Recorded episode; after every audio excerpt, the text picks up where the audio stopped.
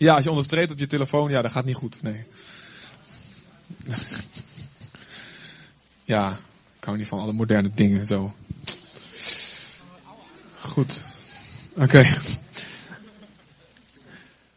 Filippenzen 2, vanaf vers 5 gaan we lezen.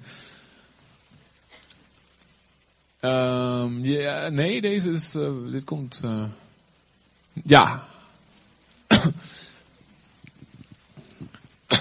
Laat onder jullie de gezindheid heersen die Christus Jezus had. Hij, die de gestalte van God had, hield zijn gelijkheid aan God niet vast. Maar hij deed er afstand van. Hij nam de gestalte aan van een slaaf en werd gelijk aan een mens. En als mens verschenen, heeft hij zich vernederd en werd gehoorzaam tot in de dood. De dood aan het kruis. Daarom heeft God hem hoog verheven en hem de naam geschonken die elke naam te boven gaat. Oké, Paulus spreekt hier de, de kerk in de, in de plaats Filippi. Hij spreekt hen aan. Um, dit was uh, een stad in het huidige uh, um, Griekenland, Macedonië. En het was een uh, Romeinse kolonie. En eigenlijk een modelstad die de Romeinen bouwden. Zo van, uh, dit is hoe wij willen dat een, een, Romeinse stad in ons rijk eruit gaat zien. Um, en er was daar uh, nogal wat oneenigheid. Er waren mensen allemaal bezig. Ze zaten wel samen in dezelfde gemeente. Maar ze waren allemaal bezig een beetje met hun eigen stroming. En, en uh, hij spreekt ze aan. Joh, wees één van streven. één van doel. één van hart. En hij zegt hij laat onder jullie precies dezelfde gezindheid, instelling, dezelfde houding zijn als in Jezus. Dus daar beginnen we al mee. Vandaag als we denken aan kerst, dat Jezus gekomen is. Dan moeten we dat meteen heel dichtbij brengen. Want heel veel mensen hebben een soort romantisch idee van uh, kerst, ah, de kerstgedachte, Jezus, babytje en zo. En um, een soort romantisch idee van, ja oké, dat, heeft, dat is goed, dat is eh, dat Jezus dat gedaan heeft. Dat is natuurlijk heel fijn als mensen überhaupt al geloven in Jezus. Is dat al heel fijn. Maar het is meer dan dat. God roept ons op om Hem in alles na te volgen. Om, om dezelfde gedachte, dezelfde houding te hebben. En dan, en dan, dus hij zegt, laat dezelfde gezindheid, laat die in jou zijn. Als jij jezelf een christen noemt, een gelovige noemt, spreekt God jou nu direct aan. Laat exact dezelfde gezindheid in jou zijn. En dan noemt hij een aantal dingen van Jezus. Met de bedoeling, de reden dat hij dit noemt, is om ons te inspireren tot hetzelfde voorbeeld. Hij had de gestalte van God. Hij was aan God gelijk. Hij was God zelf. Dus we hebben gisteren dat nog even bij de kerst genoemd. Die tekst is een wonderlijke tekst die Jezaja noemt. Er zal een kind geboren worden en hij heet Sterke God. Eeuwige Vader. en hij, hij staat, hij hield zijn gelijkheid aan God niet vast. En wat er eigenlijk staat is dat um, in de oudere vertaling, hij heeft, staat ook dat hij heeft het niet geacht als een roof. Nou, dus ik snapte dat uh, niet, niet meteen toen ik dat vroeger voor het eerst las. Maar wat er eigenlijk staat, is dat hij heeft uh, zijn gelijkheid aan God, zijn positie als God, heeft hij niet beschouwd, niet als een kostbare buit, beschermd of verdedigd. Dus hij had een voorrecht. Hij, hij was God de Zoon. En hij had, heel, heel veel mensen als ze iets kostbaars hebben, als rijke mensen iets, iets, rijke mensen zetten grote hekken om hun huis. Waarom? Ze hebben een kostbare buit verzameld in de wereld, rijkdom.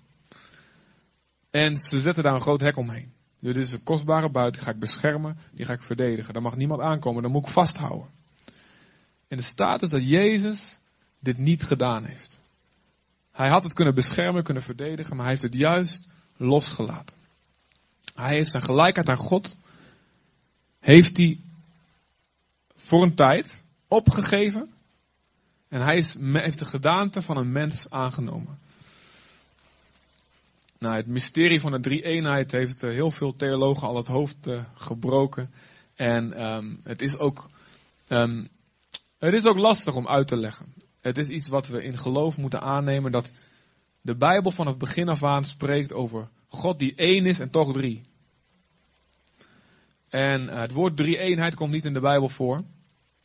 Maar is later bedacht. Maar het is toch echt het is een goede beschrijving van hoe de Bijbel spreekt over God. God is volkomen één. Volmaakt één. In drie personen. Er zijn heel veel manieren om dat uit te leggen. Um, maar ik denk, uh, er zijn ook heel veel, er zijn heel veel, er zijn er echt, er zijn heel veel scheuringen in de kerk geweest. Niet alleen uh, de laatste eeuw, maar vooral in de eerste eeuwen was dit een verhit debat. Je kon vroeger lopen in de straten van Constantinopel, wat nu het huidige Istanbul in Turkije, wat toen nog een hele christelijke stad was. Je kon lopen in, in, in Alexandrië, een stad in Egypte, wat nog een totaal christelijk land was in die tijd. Je kon lopen in, in Antiochië, je kon lopen in Jeruzalem, je kon lopen in, in, in Lyon in Frankrijk. Uh, je kon zelfs uh, in, in Iran en in China. En dat was daar het gesprek van de dag bij de bakker en bij de slager. Dat is echt waar, hè? het zijn echte, echte verslagen van. Het was een gesprek van de dag, voortdurend onder het gewone volk, was, wat is nou precies de natuur van Jezus Christus? En hoe moeten we dat nou beschrijven? En uh, het is natuurlijk beroemd geworden dat daar, dat daar, is ook wel, daar is ook wel strijd om geweest. En er zijn ook, er zijn ook doden bij gevallen zelfs, kun je nagaan. Hè? Um, er was het bijvoorbeeld uh, in, in Egypte, las ik weer van de week, was er toen um, in, uh, het gaat weer over 500 na Christus ongeveer. Was er dan, uh, geloofden ze dat Christus, dat je, legden ze meer, wat meer nadruk op de goddelijke natuur van Jezus. Maar uh, de officiële uh, kerk van toen, de bisschoppen van die tijd, legden meer nadruk op de menselijke natuur. En um, nou, dan stelde de kerk stelde een bisschop aan die dan een beetje meer verkondigde zoals zij het wilden. En um, ja, in het extreemste, in dit geval dan las ik die, die, die bisschop, die hebben ze, de, de, de woedende menigte van Alexandrië, die heeft die man door de straten gesleept en uh, gestenigd, onthoofd. Nou goed, dan heb je het volgens mij sowieso niet begrepen waarom Jezus gekomen is. Um, maar ik moet erbij zeggen, het grootste deel van de tijd was, deze, was dit, waren dit goede um, discussies. Waren het, was het gewoon, was het eigenlijk, um, ja, de mensen die, die, die op zoek waren naar de waarheid. Maar goed, het is heel interessant om dat te lezen. Dus als je je afvraagt, hoe zit het nou met dit soort teksten? God is, en we zullen een andere keer uitgebreid misschien een keer over hebben. God is volmaakt één in drie personen. Ze zijn alle drie God. En de Bijbel is ook, um, God houdt er ook van om ons, um, ja, om, om het eigenlijk op zo'n manier te brengen dat we een relatie met Hem moeten hebben. Om het helemaal te moeten snappen. Dat het niet iets is wat we met ons verstand helemaal kunnen beredeneren zonder dat we zijn hart kennen.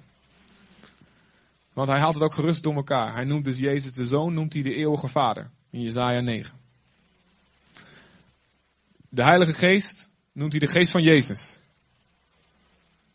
Ergens anders de geest van God, maar ook de geest van Jezus. Dus God is, is wat dat betreft, hij is niet zozeer geïnteresseerd in dat we het allemaal zo heel erg duidelijk in een categorie en een schemaatje kunnen zetten. Hij zegt, leer me kennen. Leer me kennen en je weet het.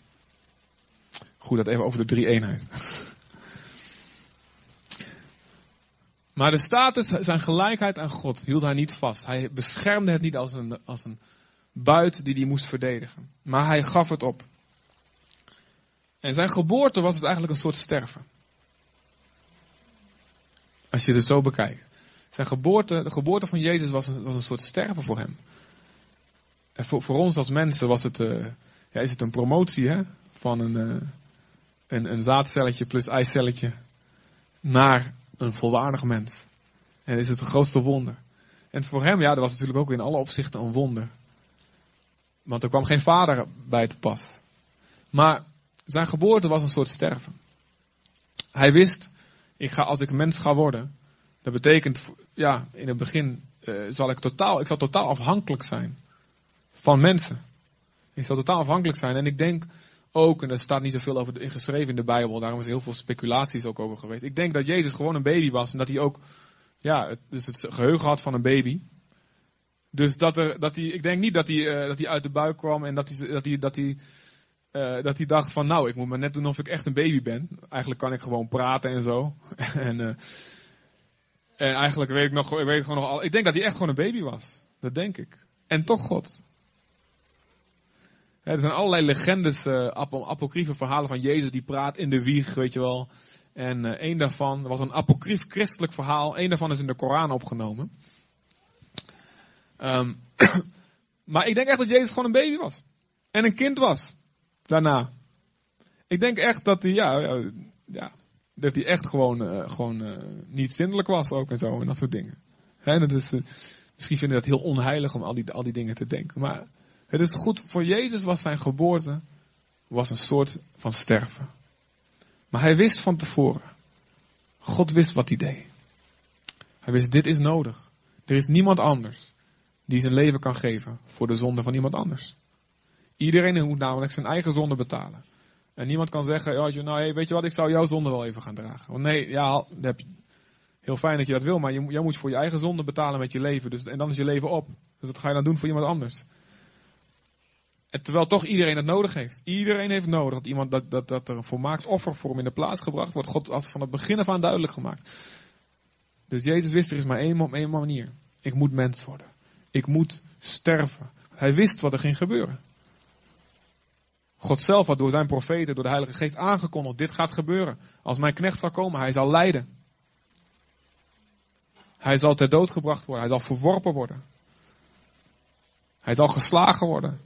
Zijn baard zal uitgetrokken worden. Hij zal een doornenkroon krijgen. Al die dingen, alles stond geprofiteerd. God had het zelf gesproken. Dus hij wist ten volle wat hij deed. Dus hij koos heel bewust. Ik ga sterven. Hij stierf dus niet alleen aan het kruis, maar zijn geboorte was al een soort van sterven. Van een eervolle plek naar een plek van schande ook. Want hij werd geboren en iedereen dacht ten onrechte dat hij een bastaard kind was. En daar refereren de Joden later zelfs nog een keer aan. Als hij in, discussie is in Jeruzalem, refereren ze aan van ja, wij zijn niet uit hoererij geboren. En daarmee impliceerden ze, ja, jij dus wel, zoals wij gehoord hebben. En nog steeds, tot vandaag de dag, wordt er gesproken over Jezus. En allerlei theorieën. Hij was eigenlijk gewoon de zoon van een Romeinse officier en dat soort blabla theorieën.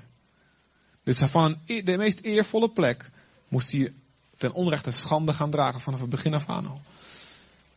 En, en, en kind worden, een kind wat niet, wat niet op, een, op een nette plek geboren wordt. Niet op een fatsoenlijke manier. En daarna ook nog een keer als kind van een stel vluchtelingen. Want Maria en Jozef moesten vluchten naar Egypte. Dus Jezus was een asielzoeker.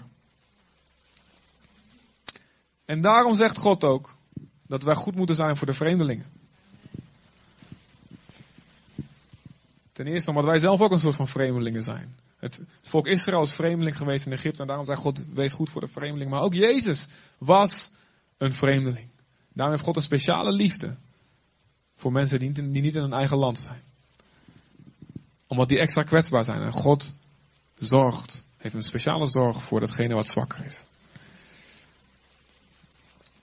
En als mens, er staat hier, hij was voortdurend gehoorzaam aan de wil van God. En hij heeft door het lijden heen heeft hij gehoorzaamheid geleerd. Want gehoorzaamheid blijkt pas echt als het op de proef wordt gesteld door hele moeilijke omstandigheden. En tot het bittere einde staat hier, tot aan de dood van het kruis, heeft hij volhard, is hij doorgegaan. En Jezus predikte zelf ook voortdurend waar hij in geloofde. Bijvoorbeeld kijk in Johannes 12, vers 24 en 25. Als het staat hij erop. Dus hij wist heel goed. Dus toen hij 30 was, en waarschijnlijk toen hij 12 ook was, had hij ook al heel goed door wie die was. Was die dat baby zijn, was er alweer dus weer af. Um, maar hij had heel goed door wat er ging gebeuren. En hij had heel goed door wat hij aan het doen was. Hij had heel goed het principe van God door dat echt leven komt door eerst te sterven. Hij legt, legt het hier uit. Hij zegt, waarachtig, ik verzeker u, als een graankorrel niet in de aarde valt en sterft, blijft het één graankorrel. Maar wanneer hij sterft, draagt hij veel vrucht. Wie zijn leven lief heeft, die verliest het. Maar wie in deze wereld zijn leven haat, die behoudt het voor het eeuwige leven. En op vele andere plaatsen predikt Jezus dit. Hij zegt, om te leven moet je sterven. En, en wij heten leef. Maar eigenlijk hadden we ook heel goed sterf kunnen heten. Maar goed, het staat niet zo. Het staat wat minder op die vlaggen en zo buiten de deur en op die... Sterf, Zutphen. Ja, nee. Zullen we daar een stemming even over houden? Wat zullen we doen? Vind je wel wat, ja? Is goed, ja. Ja, word je wel nieuwsgierig van. Weet je wel, wat zal het zijn? Oké. Okay.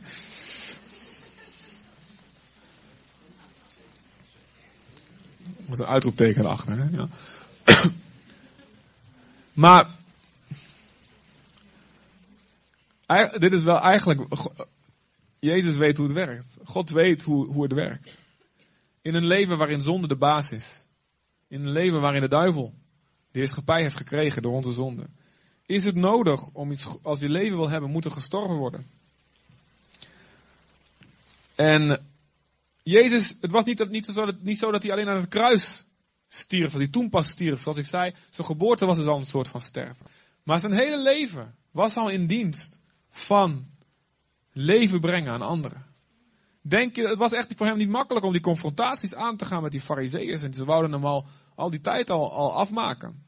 En die Sadduceërs en de Herodianen en, en, een hele groepen mensen waren tegen hem. En, en hij zuchtte en, en hij, hij had het er moeilijk mee, staat er. Dus toen ook, dat was ook al een soort van sterven. Jongens, ik ga er niet uit de weg. Want ik moet deze woorden spreken, deze woorden moeten gesproken worden. Ik, de waarheid moet gebracht worden. De, de mensen zijn vergeten. Het hart van God achter de wet, achter, achter, achter de profeten. Snappen ze niet meer en ik moet dat terugbrengen. Hij stierf toen ook al. En, en, en hij zegt dat in, hier in het algemeen, dus dat geldt ook voor ons. Om leven voor te brengen, moeten we sterven. Dat betekent niet dat we een soort morbide, soort ziekelijke liefde voor de dood moeten hebben. Dat betekent niet dat ons leven een en al ellende en zo een grote, grote beerput van, van, van, van rampspoed hoeft te zijn.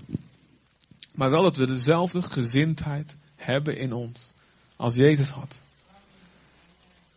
Dat wat wij, als wij iets wat wij hebben, dat we dat niet als een buit gaan zitten beschermen. Nou, hier komt niemand aan. Dit is voor mij. Maar dat als het nodig is, we dat, op, dat we het liefste wat we hebben, dat we dat op kunnen geven. Zodat God leven kan voortbrengen. Jezus was het volmaakte offer. En dan zegt Paulus, en nu jullie. Nu jullie. En God is lief. Hij snapt dat we het niet allemaal in één keer kunnen. Dat we niet in één keer ploep als Jezus kunnen zijn. Dus hij doet het stap voor stap. Maar hij roept ons op. Ah, volg Jezus na. En vertrouw mij, vertrouw je vader. Dat alles wat jij opgeeft, daar krijg je veel meer voor terug. Maar er zit wel tijd tussen. Er zit wel tijd tussen, want je hart moet getest worden. Als je meteen, elke keer als je een offer bracht, als je iets van jezelf opgeeft, meteen, dat meteen het resultaat zag. Ja, dan zou iedereen dat doen. Dan heb je eigenlijk geen karakter nodig. Dan heb je, dan, dan, ja, dat... Maar er zit tijd tussen ja, ja, het sterven en het leven voortkomt. Zit tijd tussen. Opdat je sterk wordt, opdat je je God leert kennen. Er zit tijd tussen de dood en de opstanding. En in die tijd groeit je geloof in God. En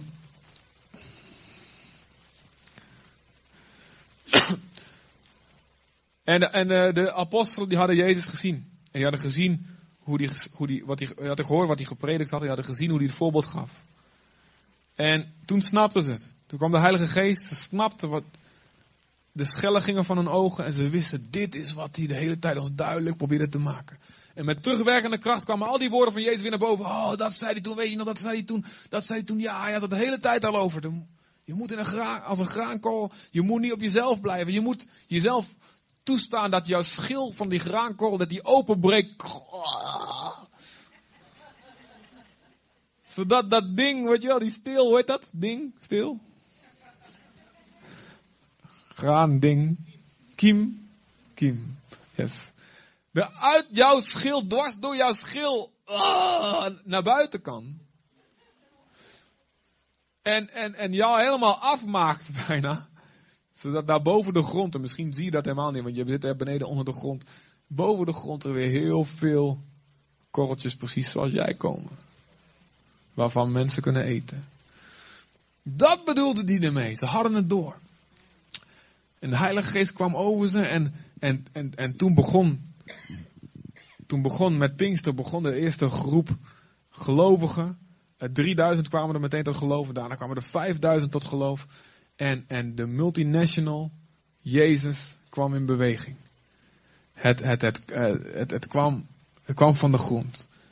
En wat er gebeurde in Jeruzalem, was het helemaal vol met het woord van God. Elke hoek van de straat werd er gepredikt. Elke, hoek, elke straat was er een huis waar gelovigen waren. En het ging als een lopend vuurtje door de hele stad. En ze hadden het goed met elkaar. Weet je, we hebben het moeilijk gehad. Jezus, Jezus werd eerst vervolgd en daar werd gekruisigd. En, en, en, en toen waren we helemaal verslagen. En toen stond hij op uit de dood en wauw, we konden onze ogen niet, onze oren niet geloven. Toen waren we helemaal blij. En toen ging hij zomaar weer weg. Toen waren we weer helemaal in zak en as. Maar nu is de Heilige Geest gekomen en nu snappen we het. En kijk eens, moet je kijken, hier minstens 8000 man. En sommigen uh, zeggen dat er, al, dat er al heel snel rond de 50.000 christenen waren onder de Joden in Jeruzalem. Dus, ja, ze heten toen nog geen christenen, maar gewoon Joden die Jezus als Messias volgden. En dus we hebben het goed met elkaar. Dit is wat de, wat de bedoeling is. Maar vervolgens um, mochten ze niet meer prediken. En de, de priesters en de Sadduceërs en de Farizeeërs zeiden: Je mag niet meer. Je moet je mond houden over die Jezus. We geloven er niks van. Hou eens op. En um, toen stond, uh, toen tussendoor, ja, toen, toen kwam uh, er een groep diakenen. En die diakenen die, uh, die zorgden voor de weduwe. En een van die diakenen was, dat betekent gewoon dienaar in het Grieks, diaken, gewoon, het kwamen dienaars.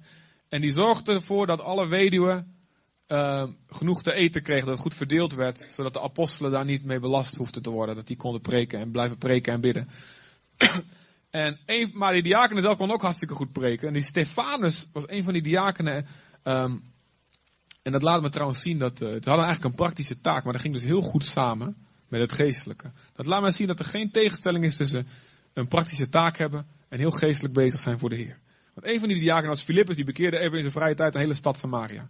En, en, en, daarna nog even een, één iemand, waardoor een heel land Ethiopië weer bereikt werd. Goed, dus dat deden ze allemaal tussen hun praktische taken, deden ze dat door. Dat is fijn voor ons allemaal, hè? iedereen met zijn handen werkt. Ja, toch? Ja. Um, maar een andere diaken was Stefanus. En Stefanus kon zo goed preken dat de slimste Sadduceërs en priesters konden, niet tegen hem, konden geen spel tegen hem inkrijgen. Brengen? Spel tegen in. Brengen. In een hooiberg.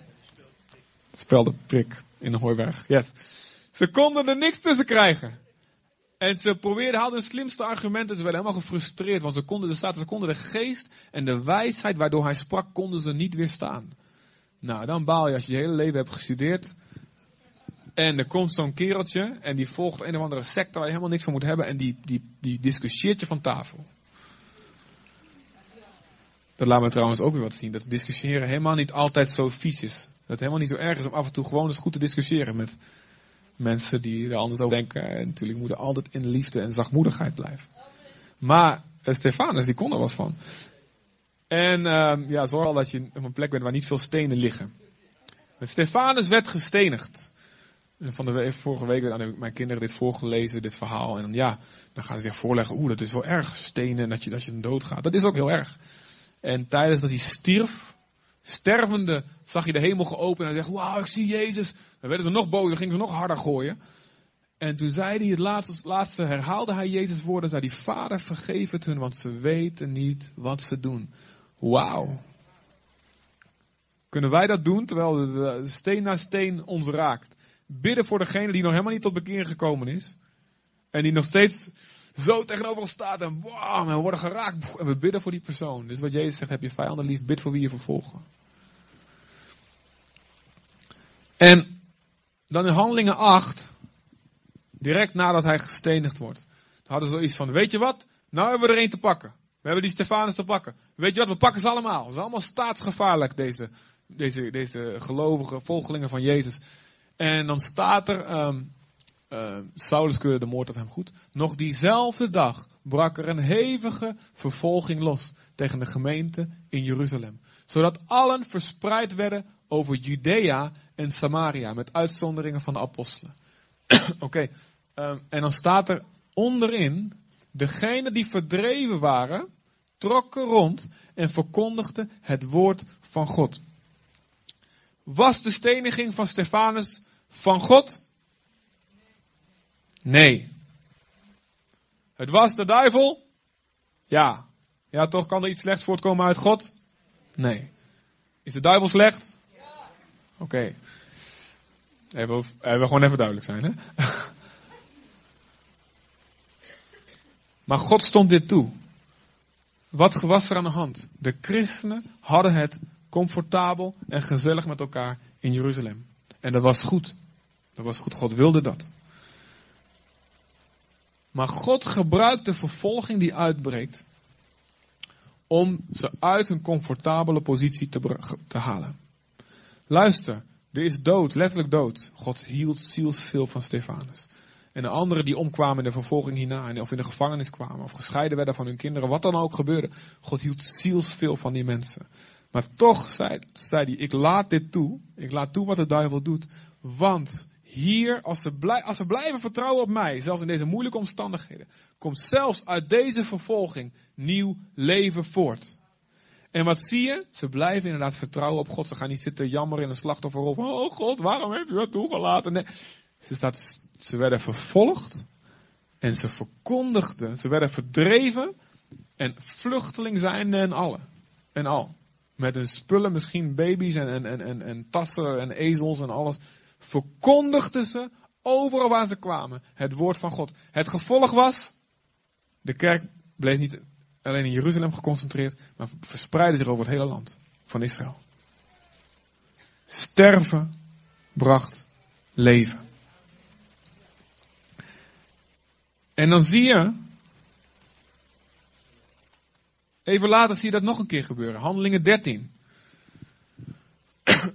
Daar zie je dat inmiddels de kerk zich verder verspreiden en verspreidt zich verder naar het noorden. En ik heb geen tijd gehad om een kaartje voor jullie te maken, daar hou ik altijd van. Mijn vrouw is getuige dat zodra ik op, er op tv een programma is met een landkaart, dan is, het, dan, dan is ze me kwijt in het gesprek. ik ben dan best snel weer terug hoor. Maar ik, hou, ik, ben, ik heb altijd een fascinatie voor landkaarten gehad. Maar als je dan um, kijkt, als je Israël hebt hier aan de zee, als je een stuk naar boven gaat, dan heb je Libanon, heb je Syrië. En helemaal bovenin heb je een hoek. En dan komt de hoek waar, waar het huidige Turkije begint. En dan gaat het verder naar links. En daar precies in die hoek ligt de stad Antiochië. Die stad bestaat nu nog steeds. Die is meerdere malen verwoest door de geschiedenis heen. Maar goed, het, het heet nu Antakya. Het is weer opnieuw opgebouwd. En dat was toen een ontzettend belangrijke stad. En daar, in die stad, werden de, de christenen voor het eerst christenen genoemd. En dan zie je dat daar een gemeente ontstaat. En dat is een internationale gemeente. De kerk bestond vanaf dat moment uh, niet, meer, alleen meer uit Joden, maar er kwamen ook al, mensen uit allerlei landen die, die helemaal geen Joods bloed hadden. Die kwamen tot geloof. En daar staat hier bovenin, er waren in die gemeente van Antiochië profeten en leraren. Onder wie? Barnabas en Simeon, die Niger werd genoemd. Uh, en dat was uh, Latijn voor zwart. Dus was uh, waarschijnlijk een Afrikaanse man. Lucius de Cyreneer, dat is in het huidige Libië. Een Manaen, een jeugdvriend van de tetrarch Herodes, van koning Herodes. En Saulus. Dus we hebben daar in ieder geval een Afrikaan, een Libiër.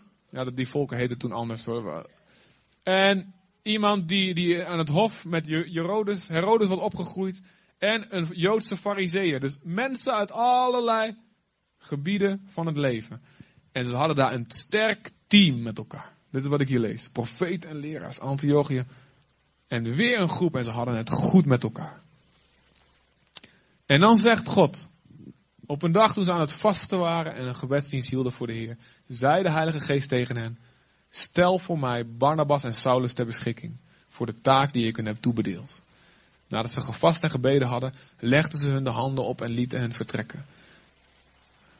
En Paulus en Barnabas moesten uit een veilige, comfortabele zone, werden ze eruit gehaald en werden ze in het onbekende gestuurd, want er was daarbuiten, het was helemaal niet, niet bekend wat daar voor volken, ja ze wisten een beetje wat voor volken daar wonen, maar er was helemaal, niet, helemaal, helemaal nog geen christendom, er wordt helemaal geen kerk daar geplant. Barnabas en Saulus worden als het ware de bush bush ingestuurd. Ga er maar naartoe. En kijk maar wat God wil doen, wat God ermee bedoelt. En weer zie je, ze moeten sterven aan een comfortabele zone om hun leven uit voort te laten komen. Dus je ziet het patroon voortdurend terugkomen. We weten allemaal wat er gebeurd is met Paulus, toch? Paulus heeft de gemeentes gesticht. In het huidige Turkije, in Griekenland, zelfs in Rome en in Spanje. En in Joegoslavië, het voormalige Joegoslavië, is hij geweest. Overal heeft hij gemeentes gesticht. En we kunnen zonder enig probleem zeggen dat wij hier allemaal in Jezus geloven, dankzij Paulus. Dankzij dat hij bereid was uit zijn comfortabele plek te komen. Uitgestuurd te worden in het onbekende. Dankzij dat de eerste christenen uit Jeruzalem gedreven werden. Uit hun gezellige plek, lekker samen. Veilig, vertrouwd, verspreid werden. Dankzij al die dingen staan wij hier en luisteren wij met geloof naar het woord van God wat ons eeuwig leven brengt. Amen, toch? Oké, nu komt het. Net zoals wij verloren waren als zij niet uit een comfortzone gekomen waren. Zo zullen er mensen verloren blijven als wij op dit moment hier in Zutphen niet uit onze comfortzone gaan komen of ons laten halen. Amen. Als wij niet sterven, zoals Jezus sterf, stierf. Ik bedoel, dus of in de, dat kan de letterlijke manier zijn, maar voor de meesten is het gewoon vooral sterven aan het bekende, aan het vertrouwde, aan wat je fijn vindt, aan wat je makkelijk vindt. Als wij niet sterven, zullen de mensen niet horen van het woord van God. Maar als wij, wij allemaal, jij die hier zit, jij op de achterste rij, jij daar aan de zijkant, wij hier vooraan, jong en oud, als wij sterven, als wij zeggen, laat die gezindheid in mij heersen die in Jezus was. Als wij niet beschermen wat we hebben, ons leven, maar bereid zijn het los te laten zeggen, Heer, doet u maar mee wat u wil. Als wij dat doen, zullen er mensen, zullen we in de eeuwigheid heel veel dankbare mensen tegenkomen. Die zeggen, dankjewel. Wat jij je leven voor mij hebt gegeven, heb ik het woord van God gehoord. En in de hemel zullen we al die verbanden heel mooi kunnen zien, dat denk ik echt. Ik denk dat God het heel fijn vindt. Om ons precies te laten zien wat de, wat de vruchten zijn geweest. Van elk offer wat we gebracht hebben. Zeg, weet je nog, dat laatste tientje wat je in de collecte gedaan hebt. Weet je nog, die, die, toen, je, toen je helemaal op je, gewoon even helemaal geen zin had, maar, maar, maar ik zei tegen je, bel die en die op. Bemoedig die. Weet je nog, die persoon die, die, die, die op straat stond en je hebt, hem, je hebt hem aangesproken, gewoon de liefde van God laten zien. Ik zal je laten zien wat voor gevolgen het heeft gehad. Die is tot geloof gekomen op die en die manier. En, en, en, en jouw woord daar en jouw vriendelijke blik daar heb ik gebruikt als een optelsom. Zodat uiteindelijk die persoon tot geloof kwam en die bracht die weer en die bracht die en daar bracht die. Daar kwam weer een gezin en daar kwam weer een evangelist uit voort en die heeft er weer 300 tot geloof gebracht en die weer 10.000 en die weer. Allemaal dankzij jou kleine stukje sterven. Weet je hoe mooi dat zal zijn? God krijgt, krijgt daar een dikke kick van om ons al die, die, die connecties te laten zien. Maar wij zien dat niet. Wij denken korte termijn. En het is logisch, God snapt dat en als ik snap dat, heb ik expres zo ingesteld, zodat je mij moet vertrouwen. Zodat je leert mij te geloven. Maar hij zegt tegen ons hoe het werkt. Zegt, geef je leven. Geef je, wees bereid te zijn als Jezus. Wie geliefd is door God, wordt door hem geleid in de, soms in de woestijn. En Gods doel in ons is tweeledig. Hij wil Jezus in ons vormen. Heiliging wordt het ook wel genoemd. En hij wil ons gebruiken om de wereld, om anderen te bereiken. En daarom laat hij soms ongemakkelijke, oncomfortabele situaties toe. Zoals in handelingen. Zoals bij Paulus, zoals bij de kerk in Jeruzalem. Laat hij dat toe. Omdat hij Jezus in ons wil vormen. Hij weet, dat is veel belangrijker dan dat jij het nu comfortabel hebt. En hij weet, uiteindelijk zullen we hem ervoor danken. Zullen we ervoor blij, blij kunnen zijn. Nou, de hele kerkgeschiedenis is het eigenlijk verder gegaan. Elke impuls van het geloof in Jezus door de eeuwen heen, in welke plek dan ook. Als je goed gaat kijken, overal zie je mensen die offers gebracht hebben. En de eh, Tertullianus die beschreef het zo, dat was een, een oude leider in de kerk van heel, ongeveer 200 na Christus. beroemde uitspraak deed hij, het bloed van een martelaren is het zaad van de kerk. En dat is ook zo geweest, door de eeuwen heen. En ook op dit moment. We kunnen heel erg blij worden van de ontzettende kerkgroei die er is de afgelopen 100 jaar. Dat is fenomenaal. Er zijn op dit moment rond de 800 of 900 miljoen mensen die niet alleen in Jezus geloven, maar die ook vervuld zijn met de Heilige Geest. Er zijn dus 2 miljard, 2, zoveel, 2,2 miljard christenen. Ja, van de week had je weer, de Nederlandse cijfers zijn behoorlijk bedroevend. Maar wereldwijd zijn de cijfers heel erg bemoedigend. En er is een ontzettende explosie van Jezus wereldwijd. En ik heb dit wel eens eerder genoemd, maar het is gewoon goed om te weten. China en Iran en Zuid-Amerika en Afrika en, en, en het, het, het Midden-Oosten op dit moment. Het is onvoorstelbaar wat daar gebeurt. En de aantallen mensen die dat tot geloof komen. En overal is het gebaseerd op mensen die hebben gezegd: Weet je wel, ik tel mijn eigen leven niet. Ik acht het niet kostbaar voor mezelf. Als ik maar mijn levenstaak met blijdschap mag volbrengen.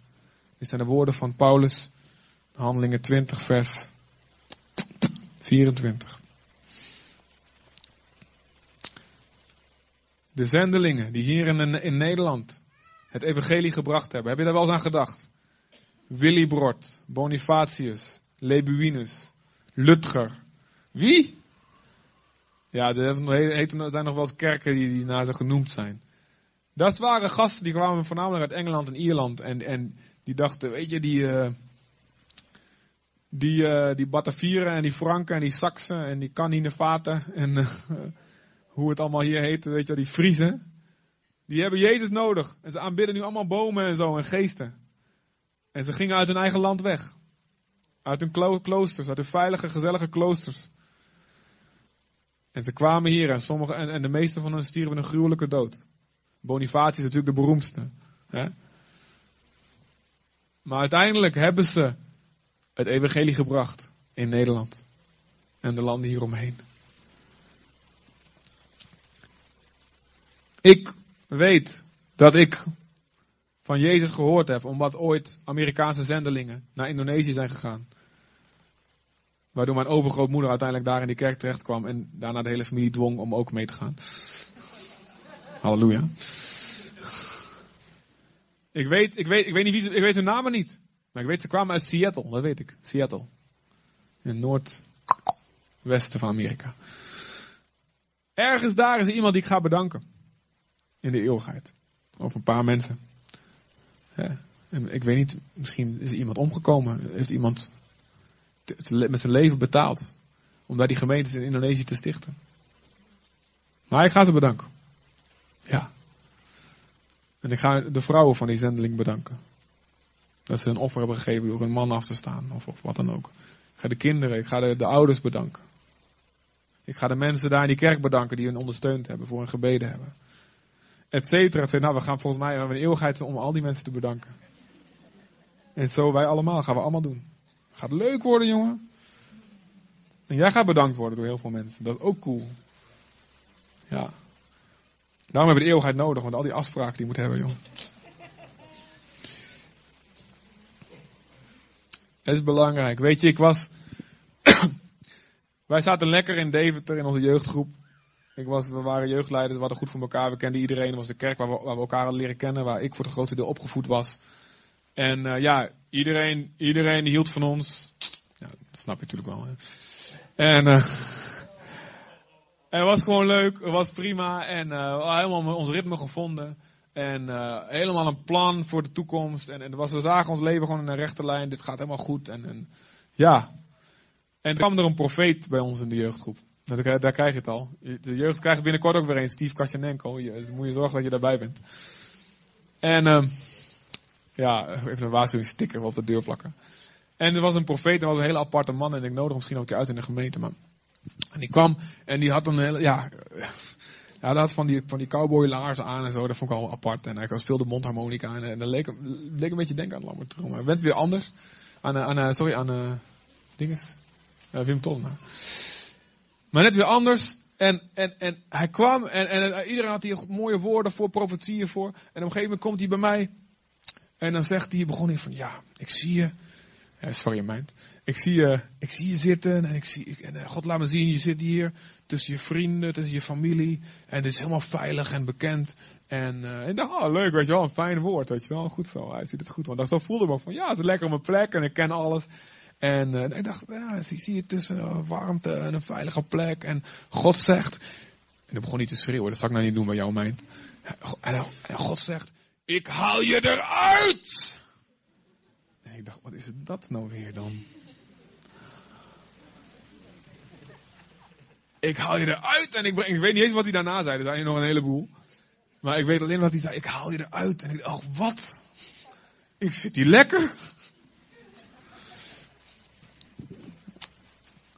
Nou, en jullie kennen misschien de rest van het verhaal. En um, God is meer geïnteresseerd in jouw eeuwige comfort dan in je tijdelijke comfort. Dus onthoud dat altijd. En laten we gewoon God zeggen, Vader, ik vertrouw u. Ik vertrouw dat u goed bent. 2 Korinther 4 vers 17 staat, de lichte last van de verdrukking op dit moment brengt voor ons een alles verre te bovengaande, eeuwig gewicht van heerlijkheid voort. Dus God, omdat hij van ons houdt, heeft hij de. Hij, hij, hij erkent de pijn die we nu hebben als iets oncomfortabel is. Hij, hij, hij vindt dat erg. En hij huilt met ons mee. Maar aan de andere kant heeft hij ook zoiets van, ja, maar ik weet wat er gaat komen als je hier doorheen gaat. Dus, terwijl hij meehaalt, is het ook met plezier dat hij dingen toelaat. Net zoals er staat met plezier, bedoel maar, er staat er zelfs, het behaagde God om Jezus ziek te maken aan het kruis. Staat in Jezaja 53. Want hij wist wat voor genezing het ons zou brengen. En zo ook zegt hij, ik weet dat het heel moeilijk is. Ik snap dat. En ik, ik ben er voor je. Ik steun je in deze tijd. Maar als je aan mij vast blijft houden. Als je blijft doen in het midden van deze storm. Als je blijft doen wat ik zeg. Zal er leven voortkomen uit deze dood. En weet je wat er gebeurt? God gaat zelfs in de hemel over jou opscheppen. In Job 2, vers 3, dacht ik. Waar staat dat hier? In Job 2, vers 3. Hebben we die? Ja. De Heer vroeg aan Satan. Wat is dit een voorbijbeltekst, denk je misschien? De Heer vroeg aan Satan, heb jij misschien ook op mijn dienaar Job gelet? Zoals hij is er niemand op aarde. Hij is rechtschapen, onberispelijk. Hij heeft ontzag voor God en mijt het kwaad. Ja, hij is nog even onberispelijk als altijd. Terwijl jij, de ondanks dat jij me hebt, ertoe hebt aangezet, hem zonder reden te gronden te richten. God schept op over mensen die in hun sterven trouw blijven aan God. Die in het gevoel van, oh ik voel ik helemaal dood ga, trouw blijven aan God. God is er trots op en God zorgt ervoor. En zo eindigt de Job dat je met veel meer eindigt dan in het begin. Hij roept ons op. Geef je leven zoals Jezus het gaf. Laat die gezindheid in je zijn. En het is als een zwangere vrouw, zegt Jezus. Op het moment van haar pijn denkt ze alleen maar, ik heb pijn, ik heb pijn, ik heb pijn. Maar als die baby er is, en de moeder zonder ons, die weet hoe dat is, dan vergeet je de pijn. Dank u Heer. Voor dit nieuwe leven. Voor dit nieuwe leven. Jezus deed, verdroeg het kruis om de vreugde die voor hem lag. En de wereld wacht op jou. Als jij zegt, ik ben bereid te sterven. hey, ga niet de dood zitten zoeken. Ga niet de ellende zitten zoeken. Doe dat niet. Als je door je eigen stommiteit uh, in de problemen komt, ga niet zeggen dat is lijden en sterven voor de Heer. Weet je wel? Als je te hard rijdt en geflitst wordt, ga niet zeggen vervolging om het. Nee, oké? Dat is anders. Dat is dom. Ehm, maar God weet wel wat nodig is. Hij zal het echt niet meer maken dan je kan dragen. Maar vertrouw je vader. En zeg, hier, hier ben ik. Ik wil niet mijn leven vasthouden. Ik wil het loslaten omwille van u in het evangelie. En dan zal ik het vinden. Amen. Ik wil je vragen om, om eventjes in jezelf naar God toe te keren. Dus even je ogen te sluiten.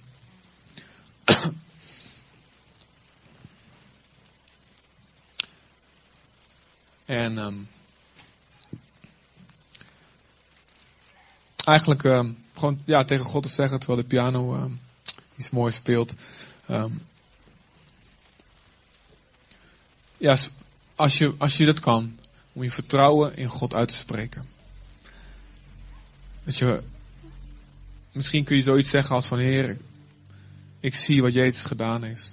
En ik leef dankzij zijn sterven. Ik zie wat anderen in navolging van Jezus gedaan hebben. En ik leef dankzij hun sterven. En zo wil ik ook me voegen in dat rijtje van helden. Die door sterven heen, door een gevoel van doodgaan heen. Trouw zijn gebleven aan u zodat u een leven uit heeft kunnen voortbrengen. Misschien kun je gewoon in je eigen woorden tegen hem zeggen. En hij weet wel hoe, hoe hij dat moet doen. Niet iedereen is geroepen om de hele wereld over te gaan. Niet iedereen is per se geroepen uit zijn woonplaats weg te gaan.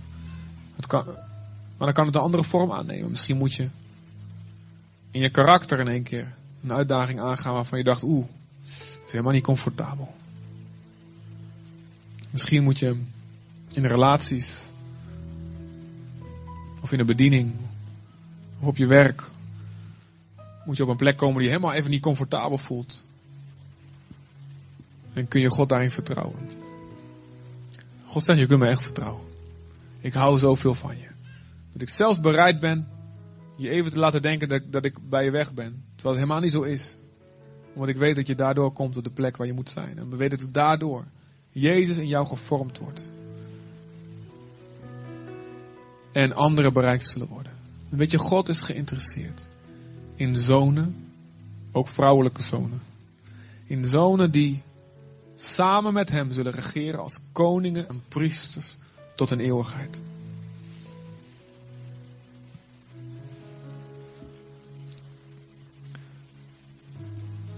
In openbaring wordt geschreven over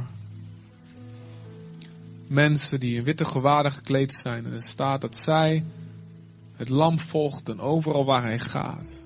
En dat zij de Satan hebben overwonnen. Omdat ze hun leven niet hebben lief gehad tot in de dood. Dat is hoe je de duivel te slim af bent. Door je leven niet lief te hebben. Door te zeggen, hier is mijn leven. Ik bied mij aan als een offer, als een levend offer.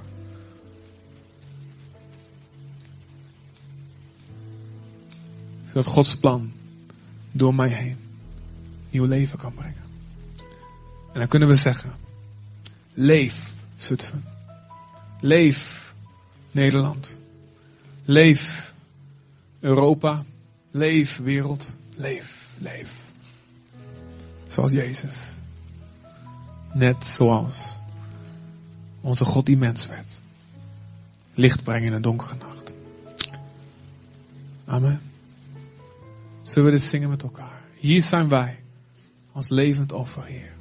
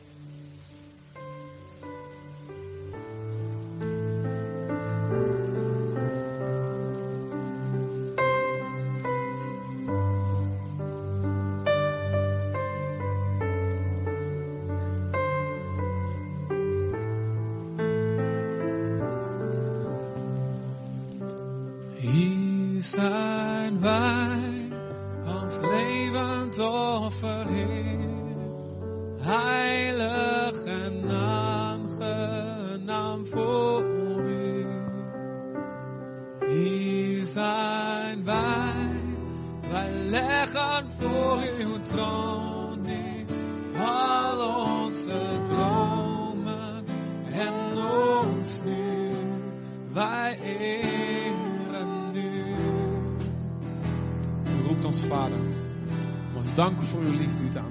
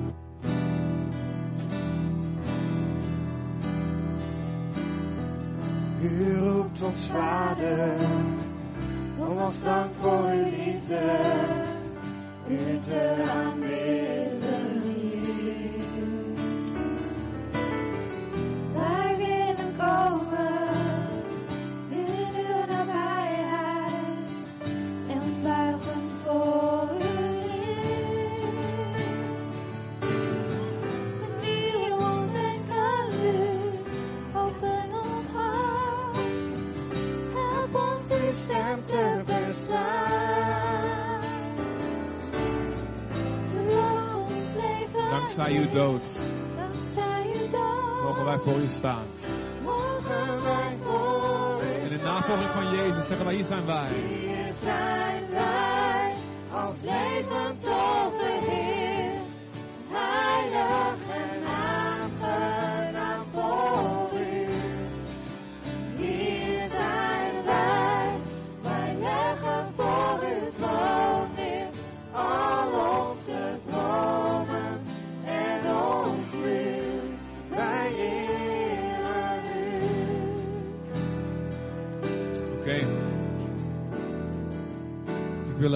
vragen of het eh, team van bidders naar voren wil komen staan. Als jij in een tijd zit van sterven. En dan is het goed om, eh, om gewoon hulp te vragen bij God. Als je het moeilijk vindt om te zien hoe God ooit leven kan voortbrengen uit de, uit de tijd van sterven waar je voelt dat je in zit. Wees dan niet bang om naar voren te gaan, deze mensen die. eh, kunnen met je bidden. En ik geloof echt dat God. Mensen die in zulke. Als God trots is op mensen die in moeilijke omstandigheden trouw willen blijven. Dan zal God ook krachtige bijstand verlenen aan mensen die het moeilijk vinden, maar die naar Hem toe gaan en zeggen: Ja, Heer, ik wil het, maar help me, help me niet aan, die Hem aanroepen daarvoor. Dus dan wil ik je uitnodigen straks als we verder zingen. Ga naar voren, laat gewoon eventjes je zegenen voor je bidden. Of het woord van God gewoon eventjes, je- dat je herinnerd kan worden aan wat Hij zegt. Dus als jij zegt: Ik zit in een tijd van sterven en ik wil trouw blijven aan de Heer, kom dan zo naar voren. En eh, dat God eventjes gewoon verder kan gaan. En misschien een diep werk aan je kan doen. Misschien een bevrijding plaats kan vinden. Een stukje genezing van binnen. Maar we geloven dat als wij samen bidden, gewoon even samen aanwezig zijn. In de kracht van de Heilige Geest gebeuren er allemaal dingen.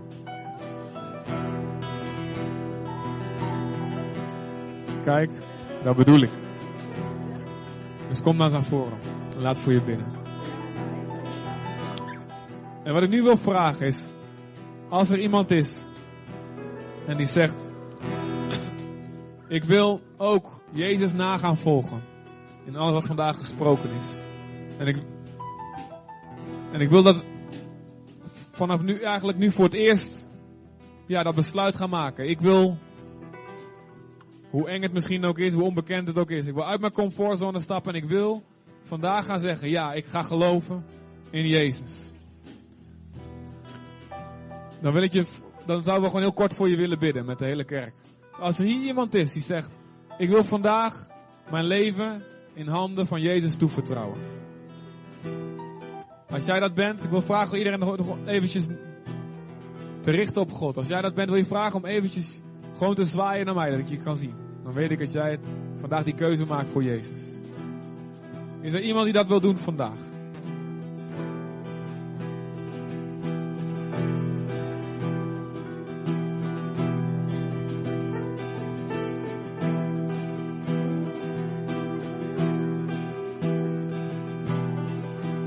Oké. Dan gaan we God danken voor deze dag. En voor deze dienst. Dat Hij hier bij ons geweest is. En nog steeds bij ons blijft als hij weggaat. Als we weggaan. Amen. Zullen we allemaal staan met elkaar?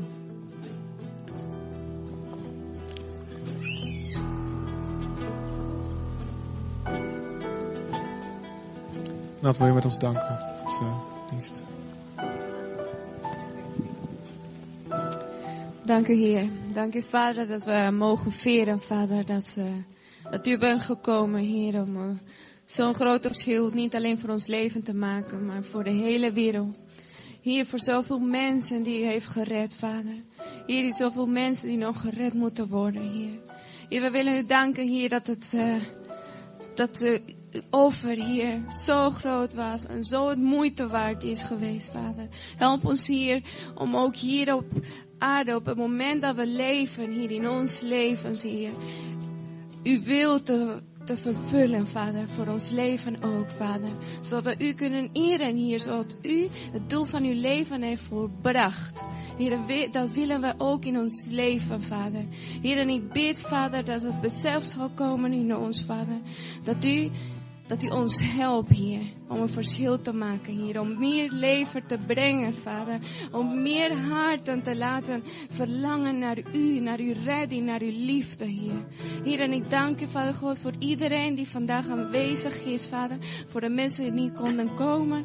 Vader, ik dank u, Vader, dat het harten zijn die bereid zijn om uw wil te doen, Heer. Heer, en zegen, Vader, zegen ze ook, Vader. Ik bid dat de komende dagen, als we familie gaan ontmoeten, die u niet kennen, Heer. Help ons, Heer, om een licht te zijn, Vader. Om de juiste dingen te zeggen, te benoemen, Heer. Heer, op bemoediging te brengen, Vader God. Heer, en uw redding, uw redding te brengen, Vader God, in onze gezinnen, Vader God. De mensen om ons heen, Vader. Heer, ik bid dat speciale salving zou zijn deze kerstdagen, Heer. Dat we dat zeggen, dat we daar zullen pakken, Heer, en in zullen lopen, Heer. En gesprekken zullen aangaan die misschien al jaren op zitten te wachten, Heer. Dat bid ik in Jezus' naam, Heer. Geef ons, Heer, de woorden die nodig zijn. De kracht en de liefde, Heer. Uw liefde in ons harten. In Jezus' naam. Amen. Amen, dat is een heel goed idee. Dus waarom nemen we niet 20 seconden om namen van onze familieleden te gaan noemen, die we de komende dagen gaan ontmoeten. En voor ze bidden dat God ze zal raken. Of door ons heen of op een andere manier. Maar dat er iets zal gebeuren. Zullen we dat doen? 20 seconden gewoon voorbeden doen in de kracht van de Heilige Geest. Vader in Jezus' naam, Vader. We bidden u voor onze familieleden, voor onze broers, onze zussen, Vader. Noem hun namen. Noem hun namen gewoon op. Hardop of fluisteren als je denkt dat het maar beter. Maar- noem hun namen op en breng ze voor God. Breng ze voor God. Misschien de meest hopeloze geval van je familie. Denk je, oh man, ga ik die weer ontmoeten. Noem ze in de naam van Jezus. Breng ze voor hem. Laat hun naam gehoord worden in de hemel. Vader, denk aan ze. Vader, vergeef hun zonde. Vader, vergeef ze. Breng ze tot overtuiging, Vader, dat u de waarheid brengt. Breng ze tot berouw en tot inkeer van hun fouten. Heer, en van hun zonde, Vader. Zoals u bij ons dat gedaan heeft, doe het ook bij hun. Doe het ook bij hun. Gebruik ons, Heer. Geef ons genade om te spreken vrijmoedig, zonder angst, vervuld van de Heilige Geest. Laat er wonderen gebeuren deze kerst, Vader, deze familietijd, Vader.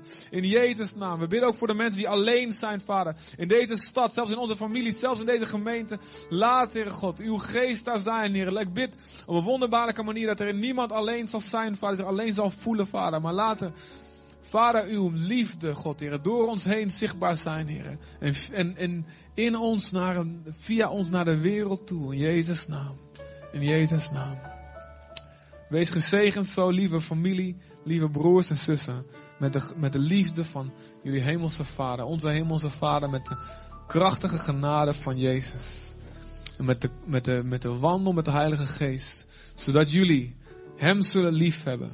God zullen liefhebben met heel jullie hart, jullie ziel, heel jullie verstand, met al jullie kracht. Jullie naasten kunnen liefhebben als jullie zelf. En jullie erop uit kunnen gaan. Wij samen erop uit kunnen gaan om alle volken te maken tot discipelen van Jezus. Hen te onderwijzen alles wat Hij ons bevolen heeft. Hen te dopen in de naam van de Vader, de Zoon en de Heilige Geest. En zie, Hij is met ons. Al de dagen tot aan de voleinding van de wereld. Amen.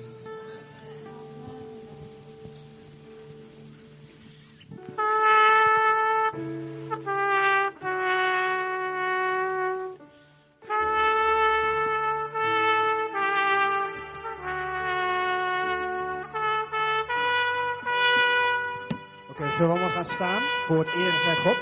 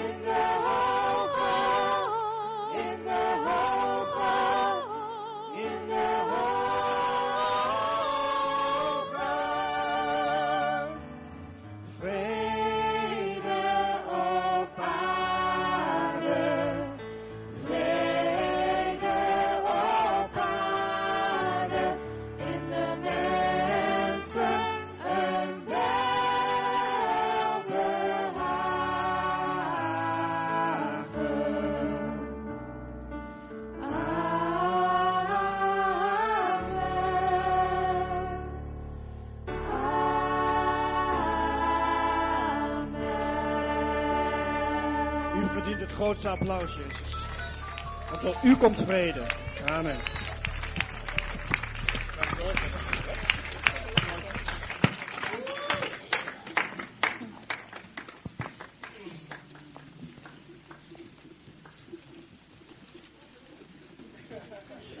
Uh, we gaan nog een keer swingen.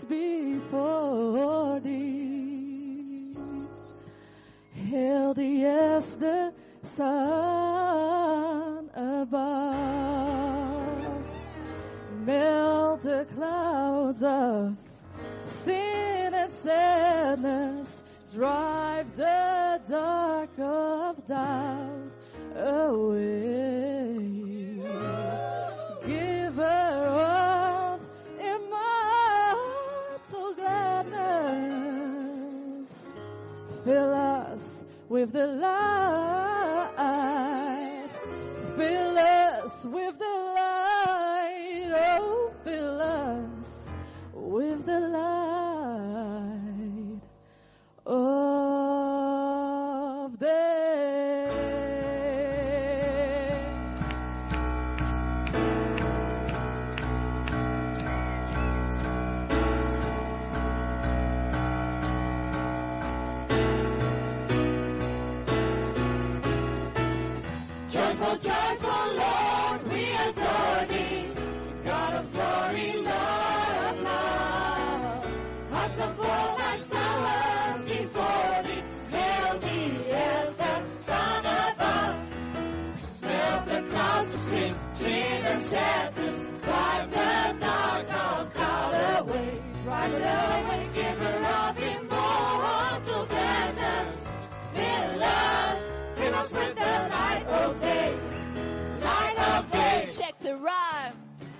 Joyful, joyful, Lord, we adore thee. And in my life, I put that before thee. Cause since I was a youngster, I came to know that you was the only way to go. So I had to grow and come to an understanding that I'm down with the king. So now I'm demanding that you tell me who you down with C. Cause all I know is that I'm down with G.O.D. You down with G.O.D. Hey, you know me. You down with G.O.D. Yeah, you know me. You down with G.O.D. Yeah, you know me. Who's down with G.O.D. Everybody, come and join the chorus, the mighty, mighty chorus, which the morning stars. What have you done for him lately? Ooh, yeah. What have you done for him lately? He over everything, so we sing. Joyful, joyful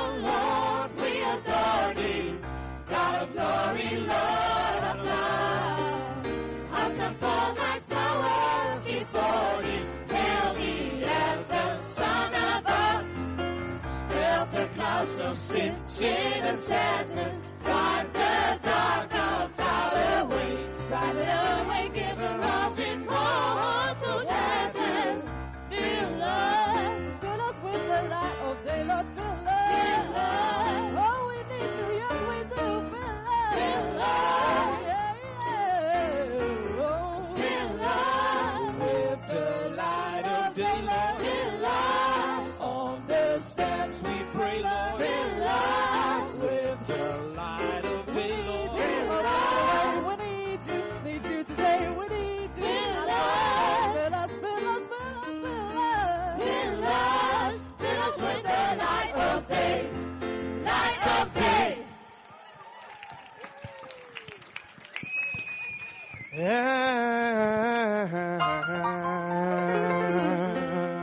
Fill us. Oh, joyful, joyful Lord, we adore thee. God of glory, Lord of love. Our hearts are full like flowers before thee. Hail thee as the sun above. Melt the clouds of sin, sin and sadness. Drive the dark of cloud